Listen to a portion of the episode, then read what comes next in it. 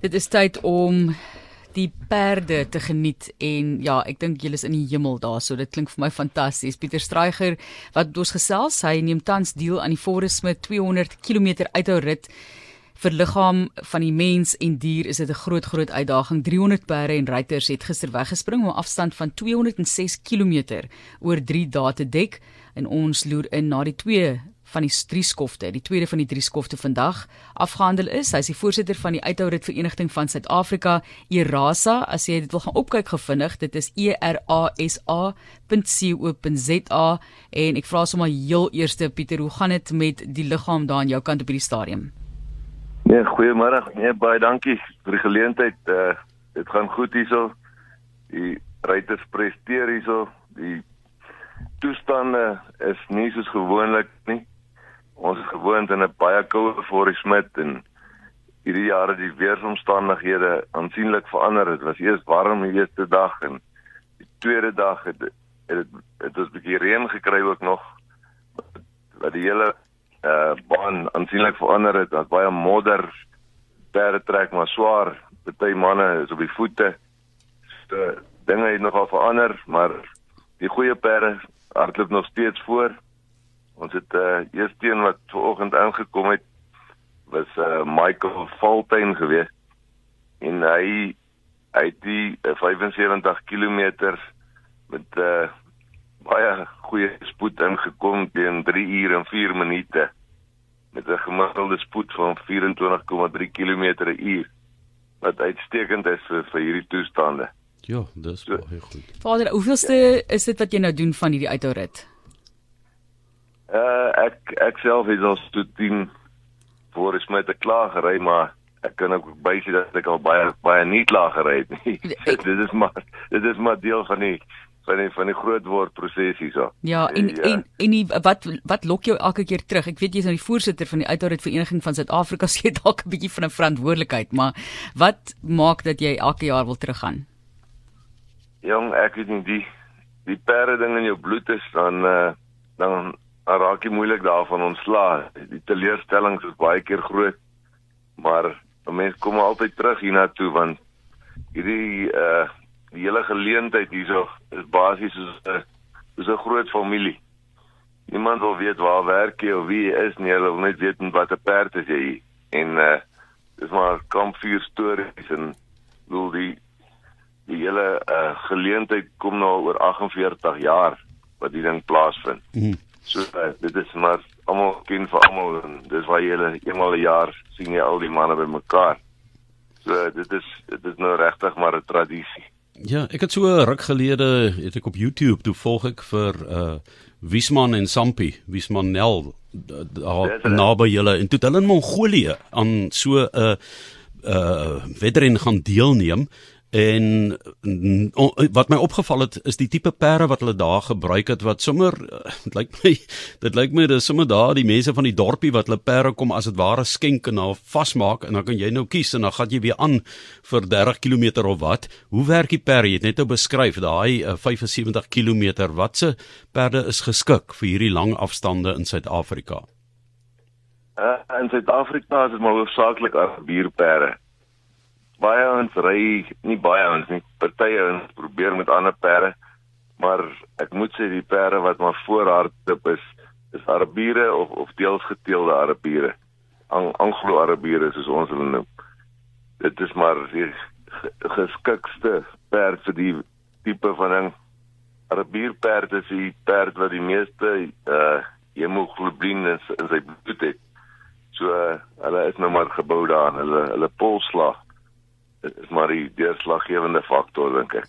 Baie lae pols uit die meeste van hulle. Maar hulle nie ook geweldige wild om deur die Arabiere aangekoop te word nie. Ja nee, van tyd tot tyd eh uh, as die Arabiere gewoonlik by so 'n byeenkoms en daar baie baie Suid-Afrikaanse perde wat uitgevoer word na Dubai in Europa. En daar is daar is regtig baie van ons perde wat al goed gedoen het oor see wat in Dubai byvoorbeeld uh, soos die President's Cup wat hulle daar gewen het al. En uh so Suid-Afrika het 'n goeie naam met die met die uiterre perde. Nou, dis 'n afstand van 206 km oor 3 dae. Ek het vandag gehoor die Tour de France manne moet 155 aftrap, maar hulle dan 'n ander 'n perd van 'n ander kleur waarmee hulle werk. Maar ehm um, die perde self word baie baie mooi na gekyk, né? Jy het gesê wat daai gemiddelde spoed was. Dalk kon dit baie vinniger gewees het, maar nog dan tot nadeel van die perd. So vertel ons hoe kontroleer julle dit want 'n mens as jy hardloop, kan jy myself besluit nou hou ek op, ek gaan nou 'n bietjie water drink, ek gaan dit doen, dat doen. Ek het nou 'n krampie in my kuit of wat ook al, maar perd kan nie praat nie. Ja, die die tegnologie uh, gaan ek maar saam met die perde baie uh, ruiters ry met hartmonitors wat op die perde is en van horlosies of selfone al werk so jy kan op jou uh selfoon of uh, horlosie sien uh uh die perd se polslag is nou besig om baie baie vinnig op te gaan.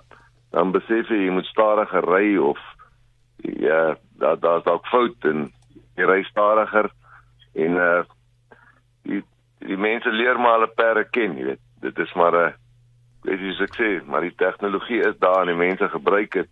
Na die tyd uh word alles afgelaai per rekenaar en jy kan kyk waar hy te gery en hoe ja. was die pols en weet dis 'n uh, hele hele storie. Maar die perd sal eintlik homself tot op die rand forceer en druk as hy daardie loyaliteit het teenoor sy baas of die ruiter. Ja, dit dit gebeur. Nou, dit is 'n ons het 'n groot span veeartse hierso wat almal bekwame perde ons is so as 'n perd uh, in in hierdie uh 3 dae wat ons ry, gaan jy deur veeartsondersoeke soos in elke elke 25 km sê, gaan jy deur 'n veeartsondersoek en uh, hulle is baie streng. As 'n perd se polslag te hoog is, dan word hy eenvoudig geëlimineer of as hy mank is of as hy vermoed iets is nie reg nie, dan word hy geëlimineer. Nou jy sê so 300 perde en hulle ruiters wat weggespring het uh, om hierdie 206 km oor 3 dae die Forest Smith 200 km uithou rit te doen en in die aande moet dit eintlik seker 'n wonderlike gevoel wees wanneer almal op stal is. Al daai perde daar, dit moet 'n groot uh, gebied beslaan en baie logistiek. Ja, nee, dit is baie logistiek agter die ding en ek sê die perde, die stalle te kontroleer en sorg dat uh almal wat geëlimineer is word by 'n behandelingsverjaars uitkom en weet die hele terrein te bestuur hierso. Dit is is nog 'n groot organisasie om om alles te hanteer. Maar Pieter, elke jaar dan doen jy dit weer. Ek het myself al die vrae afgevra hoekom, maar ons doen dit weer. Sterkte vir julle jammer om hierdie te val. Daarso maar sterkte vir julle uh, net vinnig laasens wat is die moeilikste deel van daardie drie skofte? Uh, die eerste een wat jou liggaam so half bietjie sy ritme vind, verder vir die kompetisie of um, kom jy eers in nou met nommer 3 ek ek dink die eerste een kom maar by nommer 3 want jy kan selfs nommer 3 klaarmaak en dan word jy geëlimineer op die einde na jy die kilometer voltooi het So die rit is nie klaar as jy oor die streep gaan nie. Jy moet nog eers weer deur 'n verjaarsondersoek gaan. En dit is nogal baie keer bietjie hartverskeurende om dan uit te val. Maar dis maar hoe mens groot word sielkundige groot groot slag vir 'n persoon. Ons sê vir jou baie dankie vir die gesels sterkte Pieter. Groete daar vir mens en perd. Dit is Pieter Straiger wat met ons gesels het as die voorsitter van die Uithourit Vereniging van Suid-Afrika en dis die Forest Smith 200 km uithourit. Die tweede skof nou klaar, die derde skof lê vir hulle voor baie baie sterkte aan almal.